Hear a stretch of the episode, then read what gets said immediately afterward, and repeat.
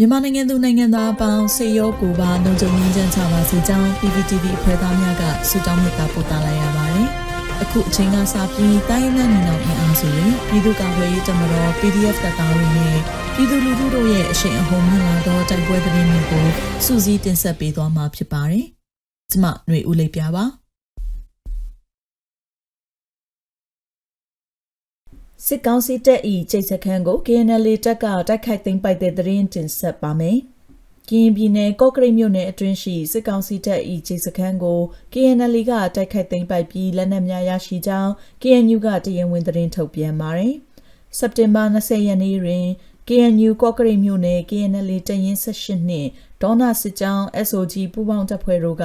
စကားဆချီကုတ်စခန်းဖြစ်သည့်ကျိတ်စခန်းကို2:19မိနစ်အချိန်တွင်သိမ်းပိုက်နိုင်ခဲ့ကြောင်း မိုးလွယ်2နာရီ2မိနစ်အချိန်တွင်စတင်တိုက်ခိုက်ခဲ့ပြီးမိုးလွယ်2နာရီ19မိနစ်တွင်ခမရ950ခွန်စခန်းကျိတ်စခန်းတစ်ခုလုံးကိုသိမ်းပိုက်နိုင်ခဲ့ကြောင်းထုတ်ပြန်ထားတာပါ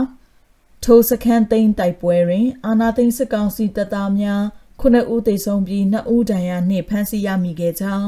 RPG နှစ်လက် BA 100စိန်ပြောင်းတစ်လက်ငကြင်းမီဆက်လက်တစ်လက်ပြောင်းပိုးတစ်လက် AK တစ်လက် MAS sniper တစ်လက် MA4 MAK ပူးတွဲတစ်လက် MA1 နှစ်လက် MA3 နှစ်လက် MA5 နှစ်လက် MG3 တစ်လက်တင်ဆက်ရမိကြောင်းတင်ဆက်ရသောကြီးများက MA ကြီးပေါက်18ခု 9mm 44ခု16ကြီးပေါက်4ခုကြီးပေါက်3ခု 60mm 12ခု 73mm 17ခုအီနာက1ခု 40mm 10ခု BA109 လက်ပစ်ပုံးနှလုံး83ရန်တောင်5ခုဆက်လက်ကြီး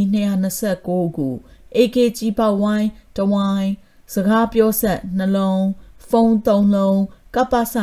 9.56ကြီးစံ2223ခုစိန်ပြောင်းချိန်တီးတလုံး MA5G နှစ်ခုတို့တင်ဆက်ရမိခဲ့ကြောင်း KNU ရဲ့ထုတ်ပြန်ချက်မှာဖော်ပြထားပါတယ်။ မြေမှုတွင်စစ်ကောင်စီတပ်သားများလိုက်ပါလာသောကားမိုင်းဆွဲခံရပြီး၃ဦးသေဆုံးတဲ့တွင်ဆက်လက်တင်ဆက်ပါမယ်။စက်တင်ဘာလ20ရက်နေ့ညနေ3နာရီအချိန်ခန့်တွင် မြင်းမူမျိုးတွင်မှစစ်သား10ဦးသည်မုံရွာဘက်သို့လိုက်ပါရန်အတွက်မြင်းမူမျိုးအနောက်ဘက်အထွက်မြို့ရှောင်းလန်းလန်းဆုံးသို့ကန်တာကားများဖြင့်ရောက်ရှိလာခဲ့ကြောင်းငါးများကိုတစ်တာဖြစ်သဲဆောင်လာသည့် light track 12ပေကားတစ်စီးဖြတ်တန်းမောင်းနှင်လာသည်ကိုတားဆီးပြီးငါးပုံများပေါ်တွင်နေရာယူလျက်မုံရွာဘက်စီသို့စီးနှင်းလိုက်ပါလာခဲ့ကြကြောင်းထို့နောက်အချိန်9မိနစ်ခန့်မောင်းနှင်ပြီးဝမ်းပြေရွာနှင့်အလာကပရွာတကြားတနေရာရောက်တွင် မဟာမိတ်ညီနောင်များကငါးလုံးတွဲမိုင်းဖြင့်အခမ်းပြုစုကြရာစစ်သား၃ဦးသေဆုံးကြောင်းကျန်စစ်သားများမှလည်းဒဏ်ရာရရှိကြောင်းသိရှိရပါတယ်။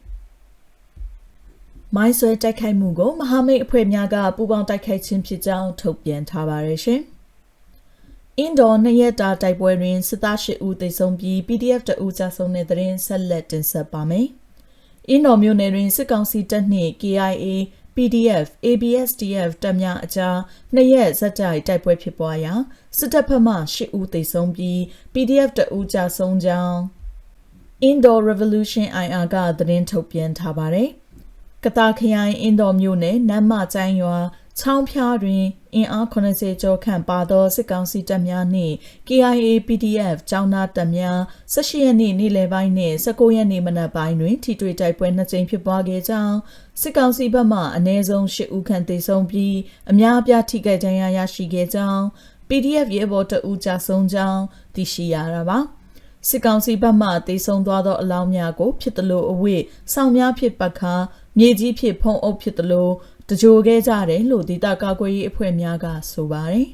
။နောက်ဆုံးအနေနဲ့ထဝယ်တွင်စစ်ကားမိုင်းဆွဲတိုက်ခိုက်ခံရပြီးစစ်သား15ဦးခန့်ဒဏ်ရာရရှိတဲ့သတင်းတင်ဆက်ပါမယ်။တနင်္လာရီတိုင်းထဝယ်မြို့နှင့်9မိုင်အကွာမောင်မရှောင်ကျေးရွာနှင့်ဇဟာကျေးရွာကြားရေးထဝယ်ကားလမ်းမကြီးပေါ်တွင်စစ်ကောင်စီတပ်ဖွဲ့ဝင်များအင်အားပြည့်စည်နှင်းလိုက်ပါလာသော Town Ace ကားနှစ်စီးကိုပြည်သူ့ကာကွယ်ရေး ပူးပေါင်းတပ်ဖွဲ့များကစက်တင်ဘာလ18ရက်နေ့နနက်3:20မိနစ်အချိန်မိုင်းဆွဲတိုက်ခိုက်ခဲ့ကြောင်းစကားနစီအနက်မှပထမကားတစ်စီးလုံးနီးပါးထိမှန်ခဲ့က၎င်းနေရာတွင်ရှစ်ဆက်မရဘဲထိုးရက်သွားကြောင်း၎င်းကား၌လိုက်ပါလာသောစစ်ကောင်စီတပ်သား15ဦးခန့်အပြင်းထန်ဒဏ်ရာရရှိကတိစုံမှုများကိုမူအတီးပြုတ်နိုင်ခြင်းမရှိသေးကြောင်းသိရှိရပါသည်။